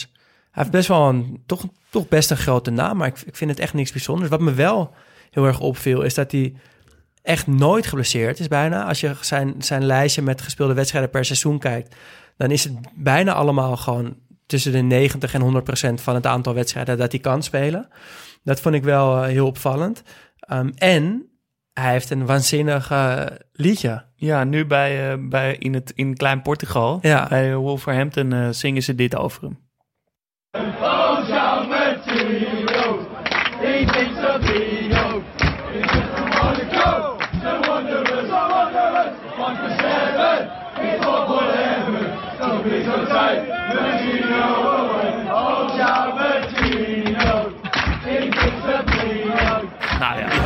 wel, mooi zo. Ja, is duidelijk. Uh, die Jean hebben het erbij gepakt, He hoor. drinks a vino. Oh, nice. Voor João Moutinho speelde Bernardo Silva. ook gekocht door City na dit jaar. Ehm, en daar ben ik wel heel erg gecharmeerd van. Het heeft ook wel even geduurd. Want zoals jullie inmiddels weten, hou ik niet per se heel erg van kleine, behendige voetballers. en dat is hij wel. Ehm, maar ik vind, ik vind hem toch wel echt heel goed. Hij heeft een hele bijzondere techniek met hele korte dribbles en kapbewegingen, terwijl hij niet per se heel snel is. Hij heeft, een, heeft een heel mooi overzicht en inzicht, kan ook goals maken en ehm, ja, blijft toch wel bovendrijven altijd bij City. Terwijl Ja. zij natuurlijk heel veel van dat soort spelers hebben. Ehm, maar hij wel gewoon vaak in. Hij staat er heel vaak in. Hij komt altijd weer bovendrijven. Ik vond het ook wel vet om te zien dat hij in Portugal eigenlijk nooit echt is doorgebroken. Hij, hij kwam al heel vroeg eh, naar Monaco toe. Eh, ze kochten hem voor 15 miljoen weg bij Benfica, waar hij toen nog nauwelijks gespeeld had. En wat ik altijd op een of andere manier, maar dat is misschien mijn voetbalautisme, wat ik echt heerlijk vind, is als de goals en assists van een speler altijd ongeveer een evenwicht Ja, zijn. ja, ja, dat snap ik En wel. dat heeft hij heel erg. Hij heeft altijd ongeveer hetzelfde aantal goals en assists. Maar ik vind wel wat je net zegt over... Dus dat hij had niet zoveel gespeeld bij Benfica. En Monaco pikt hem op. Dat vind ik wel heel typisch voor deze club. Ze... één keer in de zoveel jaar hebben ze echt een selectie... waarvan je ja, gewoon echt om je vingers bij af te likken. Ja. En denk je van, hé, waar, waar hebben ze die nou vandaan gehaald? En ze hebben altijd wel flink betaald. Maar het zijn dan ook echt spelers... Ja, die, die het jaar erop voor 50 of 60 miljoen de deur uitgaan. Ja. En hij is hier echt eh, zo'n typisch voorbeeld van. Want weet je, ja, hij speelt dus niet zo heel veel bij Benfica. En toch denk je dan, nou ja, eh, daar hebben we wel eh, meer dan 10 miljoen voor over. Nou, Sterker nog, hij speelde maar 31 minuten voor Benfica in totaal. Hij, hij komt uit een echt een Benfica-gezin. Zijn vader was diehard Benfica-supporter. en speelde vanaf zijn zeven in de jeugdopleiding... maar was altijd dus ook al een klein mannetje. Kon nooit echt aanhaken. En dat werd door van die stugge Portugese trainers niet echt eh, herkend. En eh, heeft dus ooit één keer 31 minuten meegevoetbald. Ehm, maar dacht, ja, hier ga ik nooit eh, doorbreken. En eh, zag ze kans bij eh, Monaco. Ja, dat vind ik toch opvallend. Als het dan je club is, zeker als je vader dan zo'n Ja. diehard fan is... eh, en je bent dus eigenlijk wel heel erg goed. Ik bedoel, dat, dat zal hij zelf op een gegeven moment ook wel doorhebben. Dat je dan naar een club als Monaco gaat, vind ik ook... Maar ja, die, wilden, mis- die kunnen misschien dat risico eh, eh, nemen... doordat ze toch zoveel geld hebben. Nou, en dan werd hij dus blijkbaar wel heel erg ondergewaardeerd daar. Ja, ja, nee, dat... Want dat- hij wilde, dat- dat is weet je, als hij me- uit een Benfica-familie komt, dan wilde hij waarschijnlijk niets liever dan daar doorbreken. Nou, hij wilde dat heel graag. En, eh, maar hij was dus te klein en, en wist dat hij dat dus nooit ging worden daar. Hij vertelde dat zijn, het meest bepalende moment uit zijn carrière... was dat hij als 17-jarige talent op de training... eh, aan de kant werd gehaald door een van zijn jeugdtrainers, Chalana. Ik weet niet precies hoe je het uitspreekt, maar dat is een, een voormalig linksbuiten eh, van Portugal. Die heette The Little Genius. Tenminste, dat was zijn bijnaam. Eh, die haalde hem apart en die zei... Listen, your manager hasn't got a clue about football. You're the best player here. And trust me, one day you'll be very important. Nou, en dat, zo is, dat is uitgekomen. Dat is Ja. wel heel vet, ja. Dat, eh, dat is Dus ik denk dat hij dat heel erg in zijn oren heeft geknoopt... en dacht, nou weet je wat, eh, Ja. zoek het allemaal maar uit. Ik ga mijn geluk ergens anders beproeven. Aan de Côte d'Azur. Zou dat een club zijn waar jullie... Want we hebben het hier ook wel vaak gehad over... wat als wij profvoetballers zijn. Zou dat een club zijn... Want jij, jullie hebben vaak het argument van... ja, lekker in het zonnetje, een beetje rustig aan... een beetje avondwedstrijdje, het is allemaal wel gezellig. Zou dit dan een club zijn dat waar je er wel naartoe zou willen? Of Nee, heeft het voor te mij weinig niet. Het heeft wat- liefde erbij? Ja, Ah, precies. Er zit, er zit gewoon ook geen hond in het stadion. Nee. Ook niet als er geen eh, weer, eh, levensbedreigend virus rondwaart. Dus nee, nee, Nee, en Monaco zelf trekt me ook totaal niet aan. nee. Het lijkt me echt verschrikkelijk om daar te wonen eigenlijk. Kijk, en er zijn meer warme plekjes aan de Côte d'Azur waar je kan voetballen. Daar hoef je niet per se voor naar Monaco. Marseille, Nice. Nice. Ja, dat zijn al twee, twee steden waarvan ik dan wel... eh, daar voel ik me wel toe aangetrokken. Oké, we Doe gaan dat door. maar, regel jij het even. Ehm, ja, dan Lemar. Die, eh, ja, die kennen we, want die speelt nu bij Atletico Madrid... waar die trouwens ja, helemaal niet op zijn plek is. Nou, was, misschien gaat het nu wat beter... maar in het begin liep dat echt voor geen meter. Sterker nog, op een gegeven moment 45 wedstrijden zonder goal bij Atletico Madrid. En dat vind ik wel echt jammer, want ik vond, ja, ik vond dat een hele bijzondere speler. Een, een linkspoot, een hele mooie trap. Hij kwam echt een beetje uit het niets, want Monaco eh, haalde hem van Kaan, waar hij wel al wat goede seizoenen had gespeeld, maar ja, ik had daar echt nog nooit van gehoord. Ik vond het ook op een of andere manier heel vet dat hij wat langer bij Monaco bleef, terwijl onder andere Arsenal en Liverpool echt heel concreet voor hem werden.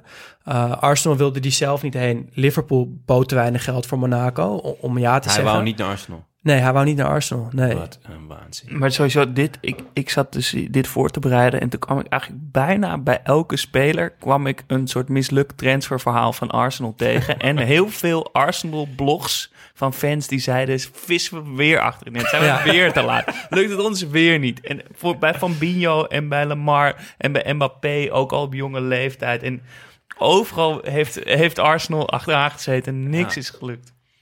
Onbegrijpelijk. Typisch Arsenal. Ja, Daarom zo. ging Henry nou weer. Ja, gaan we niet krijgen. Dit is zo makkelijk. kwam je even goed uit. Oh, heerlijk. En jongens, wereldkampioen met Frankrijk geworden in 2018. In Lamar. die fantastische Ja, ploeg. ja, Zeker. ja. Maar hij is nu naar Atleti gegaan. Ja. En dat is ook wel een typische club, hè? Met een heel typische coach. Ik weet niet of hij nou... Kijk, je kan dan wel makkelijk nee zeggen tegen Arsenal. En ik denk dat hij heeft gebaald dat hij niet naar Liverpool kon. Want dat is denk ik een club die meer bij hem past. Ja. In ieder geval een coach die meer bij hem past. Want ja, Simeone is toch wel...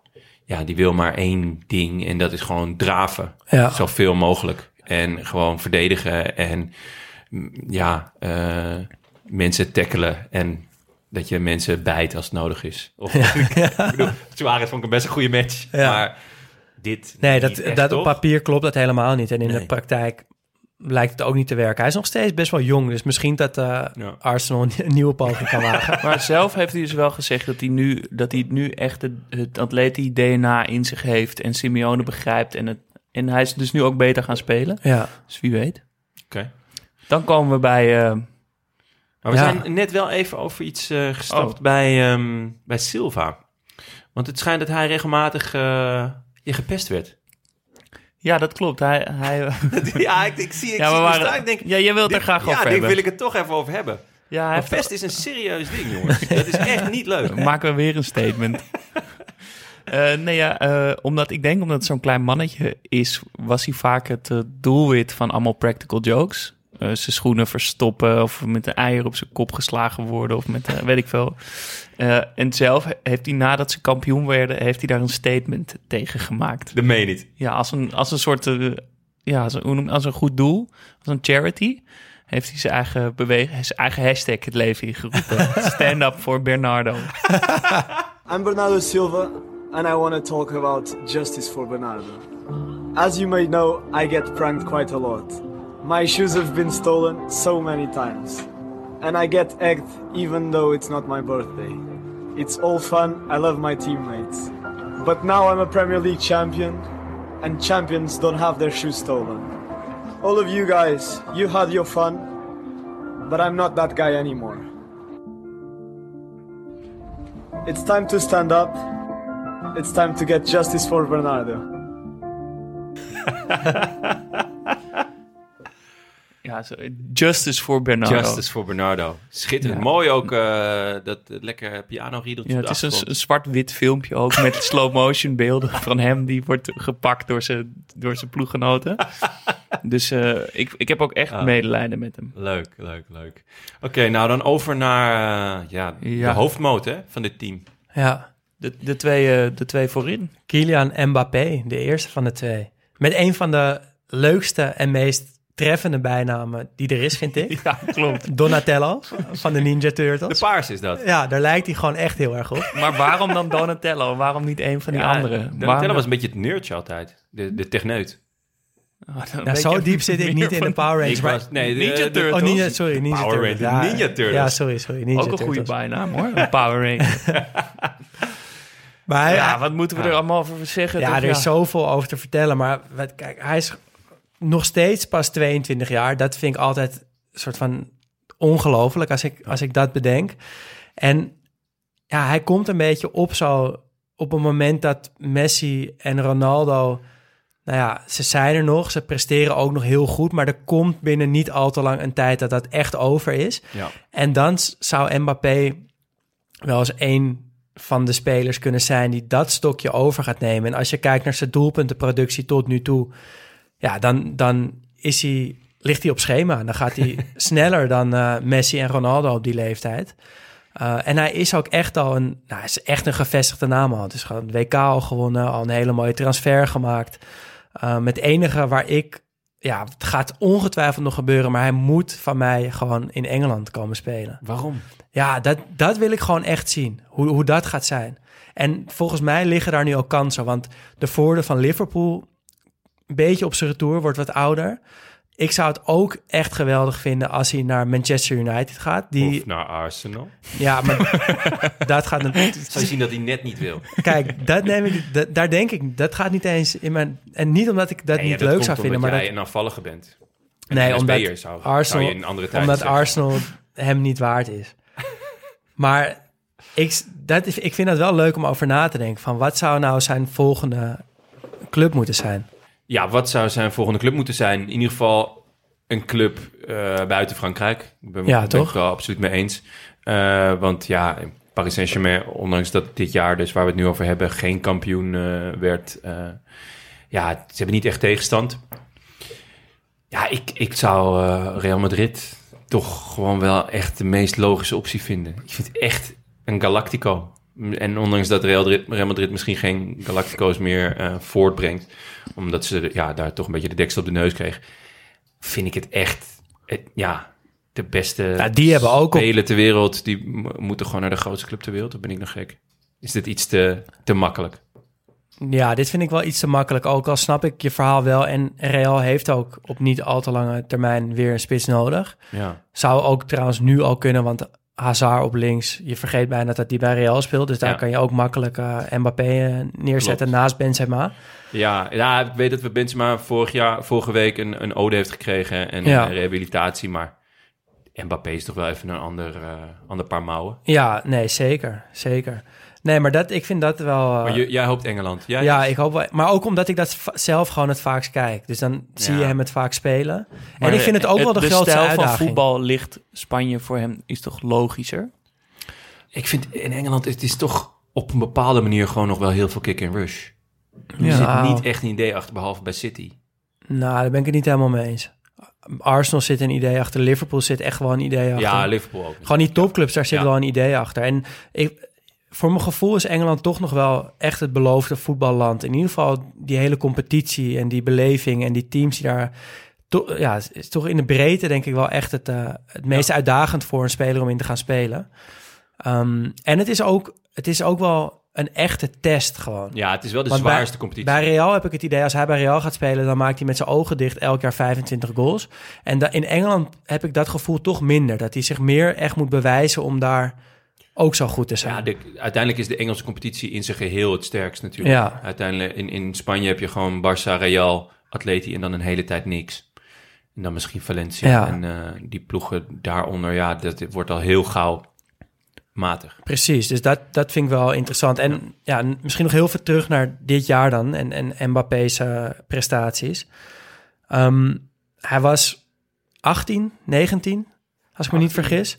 En al 26 goals in 44 wedstrijden. En ook echt niet alleen in de competitie, ook in de Champions League. Want hij scoorde in, in alle knock-out rondes, dus zowel tegen City als tegen Dortmund als tegen Juve. Was de jongste eh, eh, speler die ooit twee doelpunten maakte in één wedstrijd in de knock-out fase van de Champions League. Ja, dus allemaal van dat soort records pakte hij af. Hoe van, kwam je eh, bij Monaco terecht?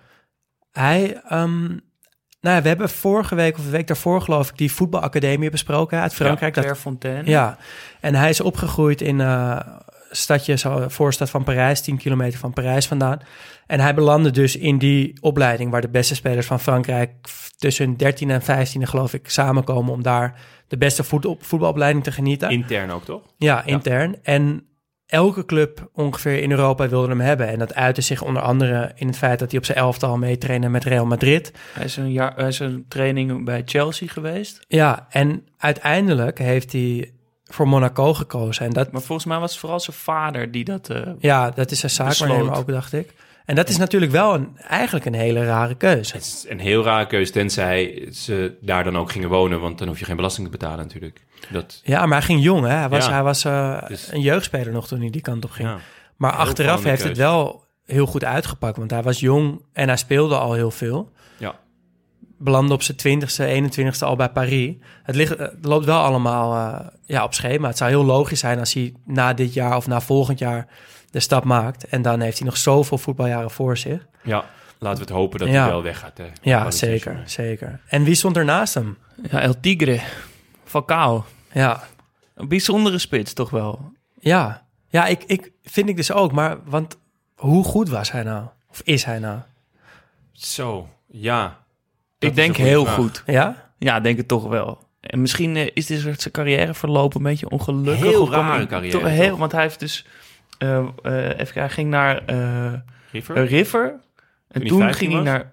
Ja, toen ging hij naar Porto.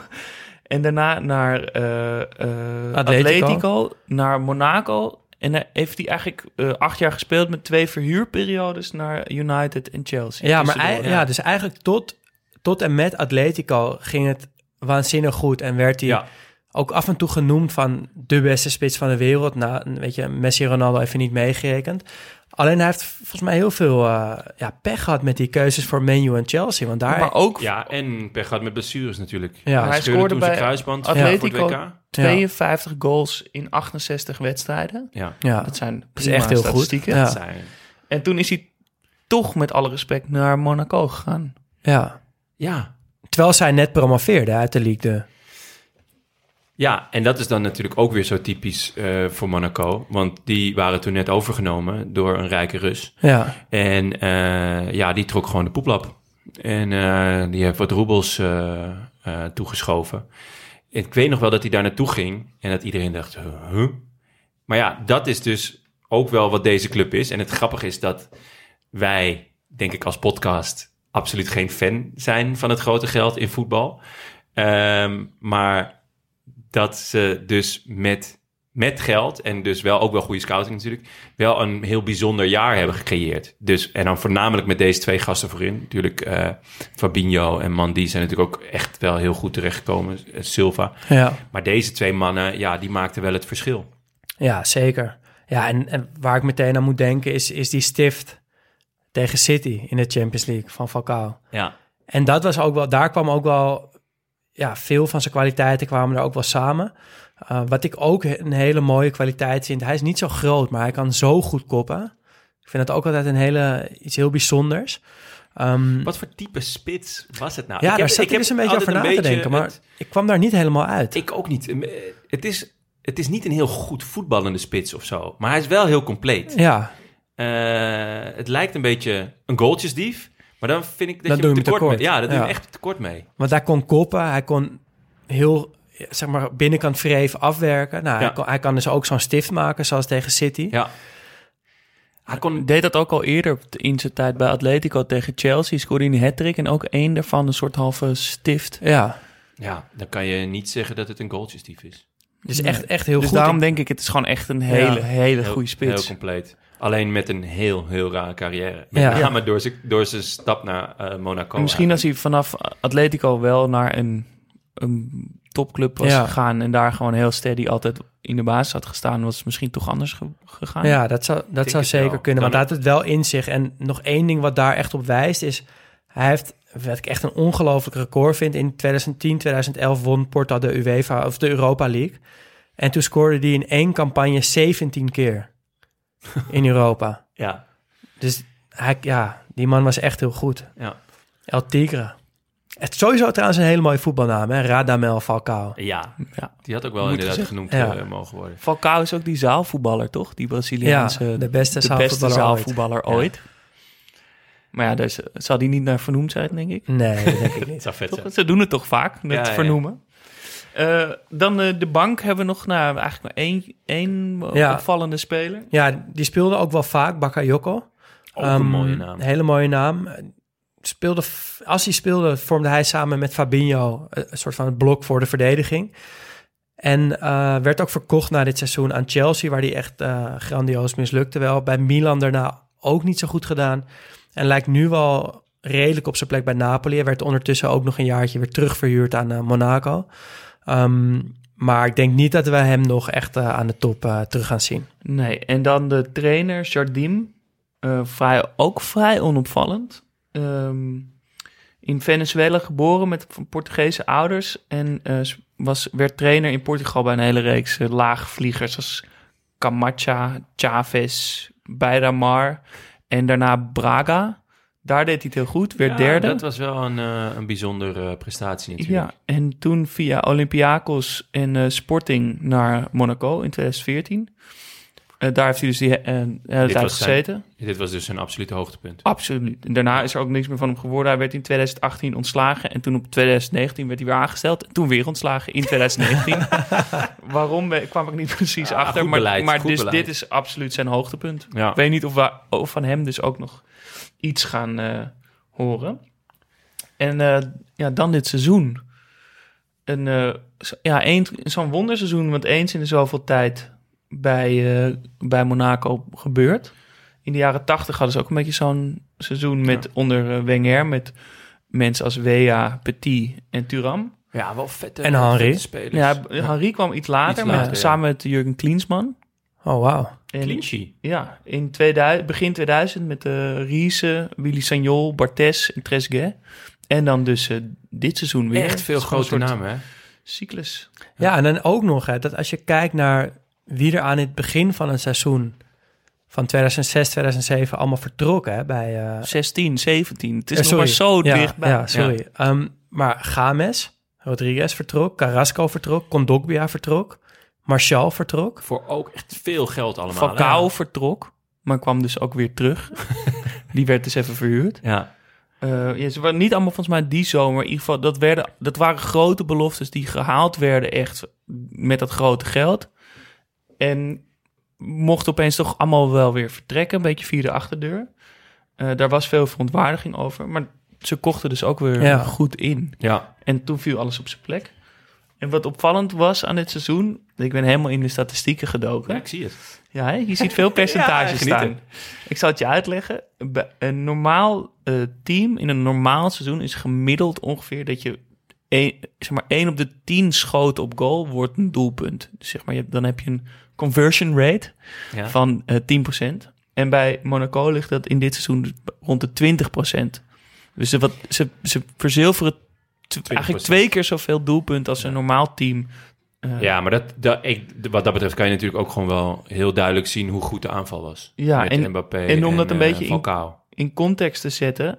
eh, Barcelona 2012, 2013 had ook 20%.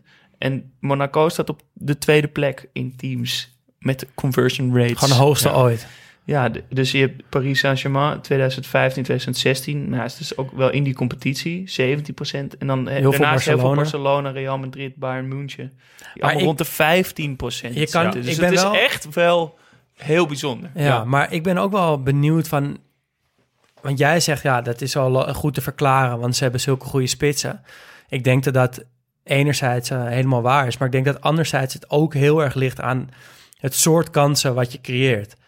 En als jij dus lang doorvoetbalt en eh, nou ja, soort van kansen creëert die bijna niet meer te missen zijn. Dus dat je eh, Is minder... dit weer een callback naar vorige week? Dat je dat Ballack niet had moeten schieten? Nou, eigenlijk wel. En, eigenlijk het- wel, ja. nee, ja, echt waar. Want als je, als je teams hebt die heel veel van afstand schieten, dan gaat die conversion rate gaat, gaat Ja. nooit zo eh, hoog zijn als nu. Op de En- Afrika Cup is de conversion rate rond de 2%.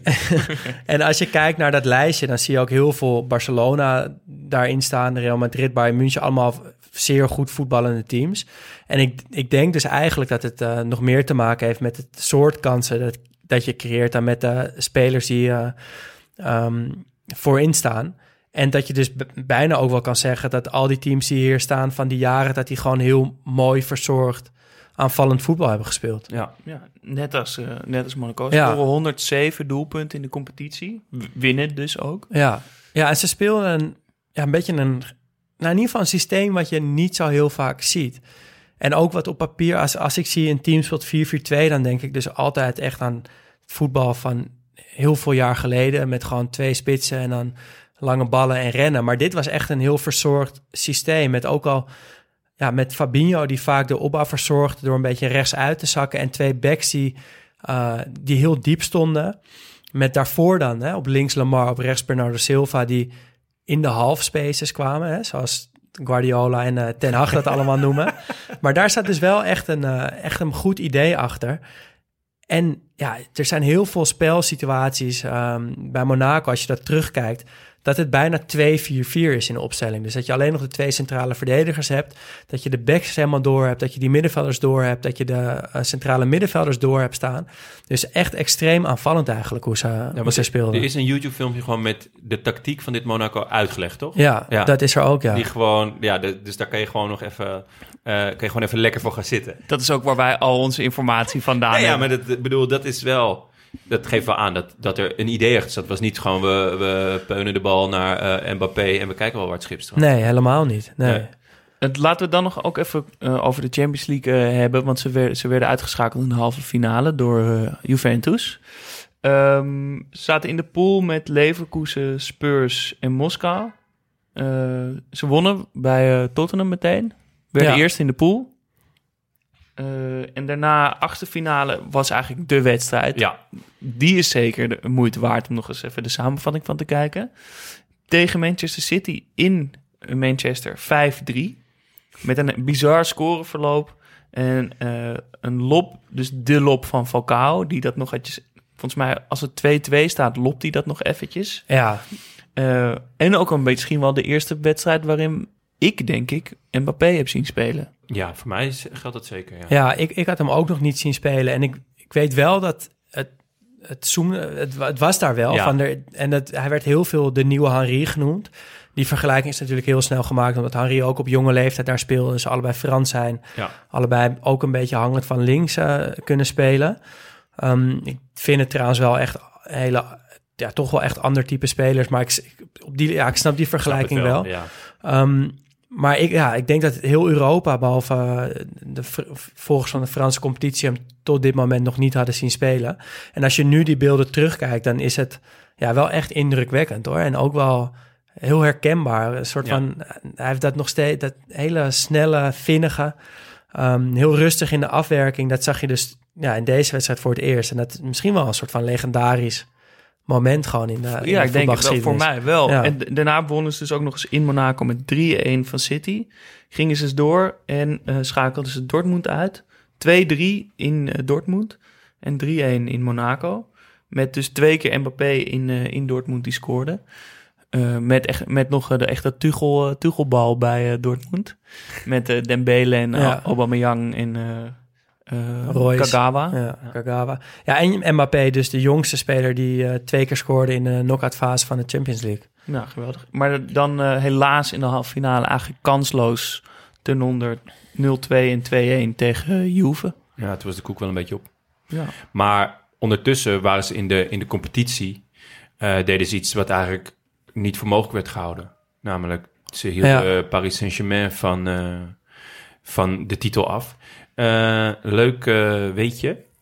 Eh, weten jullie hoe de eh, wedstrijd tussen ehm, ehm, Paris Saint-Germain en Monaco wordt genoemd tegenwoordig? Nee. Nee. Le Cachico. Dus- en eh, cash schrijft dan ook met een eh C en een dollarteken. Ja. Ja, vond Ja, ik een leuk, ik. ja, vond ik een leuk detail. Kijk, dat is, dat is natuurlijk wel wat daar, wat daar gaande is. Je kan in, in, daar hebben we het vorige keer met eh, Lyon ook over gehad. Je kan best makkelijk een hegemonie kopen in Frankrijk. ja. En het grappige is dus dat dit jaar het, eh, het een andere rare, rijke club ineens lukte om, eh, om daar een, een hap uit te nemen. ja, met toch wel een, een heel bijzonder team. Ja, Maar wel een team wat in twee jaar compleet uit elkaar is gevallen. Ja, dit, het Ja, seizoen, die, seizoen erop Mbappé naar Paris, Bernardo Silva naar City, Dirar ging weg, Bakayoko ging naar Chelsea, Mandi ging naar City. En volgens mij in totaal gingen er meteen tien eh, mensen weg. En het jaar daarop eh, werden ze ook tweede in de competitie en overleefden ze de groepsfase van de Champions League niet meer. Gingen Fabinho en Lemar ook nog eens weg. Eh, ja, dondert dat het is- echt in is- één keer is het weg. Ja, dit is natuurlijk wel een beetje de, de vloek van Monaco. Ook omdat het natuurlijk niet echt een fanbase is Nee. of zo. Het is niet... ja, het is niet dat er een, een clubcultuur is of een, of een heel idee achter wat er daar gebeurt. Het is gewoon een rijke eigenaar die eh, dat gebruikt als een soort speeltje. En ehm, die eigenaar is sinds 2013, geloof ik. Toen waren ze namelijk gedegradeerd naar de Ligue 2. En ehm, toen die eigenaar die had aangeklopt om, eh, om hun over te nemen voor miljoenen. Maar ze dachten, nee, we komen zelf wel terug in de Ligue. Dat, dat komt helemaal goed, joh. We hebben jouw geld niet nodig. Half jaar later stonden ze allerlaatste in de Ligue 2. En toen zei ze, ja, nee. Toch maar wel. Ja, doe maar wel eigenlijk. Kom maar hier met de miljoenen. En, eh, dus, en toen werden ze achtste. En het jaar daarop... eh, maar toen, toen haalden ze dus wel bijvoorbeeld Dirar... en nog wat, ja, echt wel dure spelers voor die tijd. Eh, en vooral voor de Ligue 2. En toen promoveerden ze direct. En daarna eh, gingen ze dus weer langzaamaan meedoen... om het kampioenschap met, met dit eh, seizoen als absolute hoogtepunt. Ja. ja, en wat ik dus wel interessant, wat al even zei Jasper, dat ze dus af en toe zo'n opleving hebben met een, met een aantal goede spelers die er dan linksom of rechtsom terechtkomen. Daar één of twee jaar het heel goed doen. Die, die club ook even naar, wat, naar grotere hoogte stuwen en dan weer weg zijn. En ja, het zal nog niet gebeuren, denk ik, in de komende jaren. Maar ik, ik zat toch even te kijken van wat speelt er dan nu? Ja. Nou, toch wel weer ja, geen echte toppers, maar wel leuke spelers. Fabregas zit daar bijvoorbeeld nu. Ja, dat- Jovetic, eh Fofana, Ben Yedder Ja. en Kevin Volland, die Duitse spitsen. Ze hebben wel toch weer op een of andere manier een soort van... Geld. Ja, nee, maar ook wel ja, leuke, leuke spelers wel. Ja, ja het, is, het, het is niet... Het, het is natuurlijk geld, maar het is inderdaad... Er zit wel een, een, een leuk idee achter in dit geval. Ja, maar dit, ik denk dat we deze aflevering alleen maar hebben gemaakt omdat het gewoon op, op een of andere manier precies de goede spelers hadden te pakken hadden, Absoluut. toch? Ja. En dat het daarom een team En is wat we denken, nog. ja, waar, waar, waar je mee, met, met plezier terugkijkt Ja. en die Champions Nee, ja, League wedstrijden onze, onze overweging was natuurlijk gewoon van... Oké, we- we- welk team gaan we doen? En ja, als je dan de namen ziet... Van de, al, hoe ook al deze spelers terecht zijn gewoon bijna allemaal. Ja. Ja, dan... eh, daar werden wij wel eh, gelukkig van. En wat we niet moeten vergeten is dat eh, zowel het uit- en thuisshirt van dit jaar echt heel mooi. Ja? Oh, Ja, vind ik wel. Ik, Ik heb een shirt van AS Monaco, maar echt Ik een vind, heel het, ik vind het raar dat ik een Monaco-shirt wel mooi vind, maar een Utrecht-shirt niet mooi. Ja, Hoe kan dat? Dat vind ik ook opvallend, want ik eh, droeg dat Monaco-shirt eh, regelmatig naar de training. En dan kreeg ik altijd extra schop, omdat iedereen dacht dat ik een Utrecht-shirt aan had. Ja, Ja, terwijl het identiek shirt is, toch? nou ja, ja het is, het Eigenlijk. is nagenoeg hetzelfde. Ik vind trouwens die roze shirts van Utrecht, die kunnen mij wel bekoren. Ja, jij had wel van opvallende kleurtjes. Ja, dat vind ik wel mooi. Ja, en ze hebben een heel mooi zwart met goud eh, Ja, dat was uitshirt. het uitshirt Dit- van dit jaar. Die was, jaar, eh. was heel mooi. Ja. Ja. Nou, mooi jongens. Eh, Zeker. Toch een interessant team. Wat recentere geschiedenis ook wel. Ja. Een, een beetje afwisselen. Volgende keer waarschijnlijk weer een, eh, iets uit van de oude eh, doos. uit de oude doos. Ehm, dan stellen we ons zelf ook weer een vraag. En dat wordt volgende week: wat is de mooiste assist aller tijden? Oh. is een hele moeilijke Dat is vraag echt ook. wel een leuke vraag. Ik weet hem al. Maar eh, reageer vooral via vriendvandeshow.nl slash Studio Socrates. Wij zijn heel benieuwd. Ehm, dan hebben we straks nog een blessuretijd. Zeker. Dus stuur eventueel ook een audiobericht in naar Vriend van de Show. Dan kunnen we die laten horen in onze blessuretijd. Jullie bedankt jongens. Jij ook. Tot de volgende week. U luisterde naar Studio Socrates, gepresenteerd door Daan Sitorius, Jonne Seriese en mezelf, Jasper Gottlieb. Vond je het leuk? Abonneer je dan en laat een review achter, zodat we makkelijker te vinden zijn. Heb je een vraag of een verbetering? Slide dan in onze DM op Instagram, studio-socrates.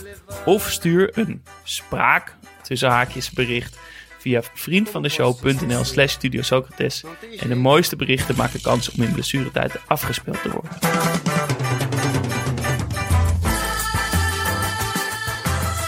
Ja, ik denk dat het toch misging met mijn AirPods. Ehm, ja, ik heb gewoon heel veel tijd nodig tijdens zo'n podcast. Ik moet de hele tijd op YouTube om die dingen te bekijken. Ja, dan ga je van het ene filmpje in het andere filmpje. Maar eh, ja, van Hooydonk tegen Freiburg, daar heb ik heel veel eh, gestudeerd. Ook überhaupt die, die vrije trappen. En eh, die Mares van Manchester City nu, eerst Leicester. Ja, geweldige speler echt. Ehm, Gary Lineker en Ian Wright. Ja, die, die, combinatie in Match of the Day is wel echt geweldig. Voornamelijk dat Lineker gewoon hem enorm voor lul zet, zeg maar. Dat hij, de, dat hij de Champions League nooit gewonnen heeft. Nou weet ik eigenlijk, denk ik eigenlijk dat Lineker zelf ook nooit de Champions League heeft gewonnen. Maar nee, daar gaat het dan nu eventjes niet om. Maar eh, die eh, kan ik dus ook van harte aanraden. Jongens, ga zo door.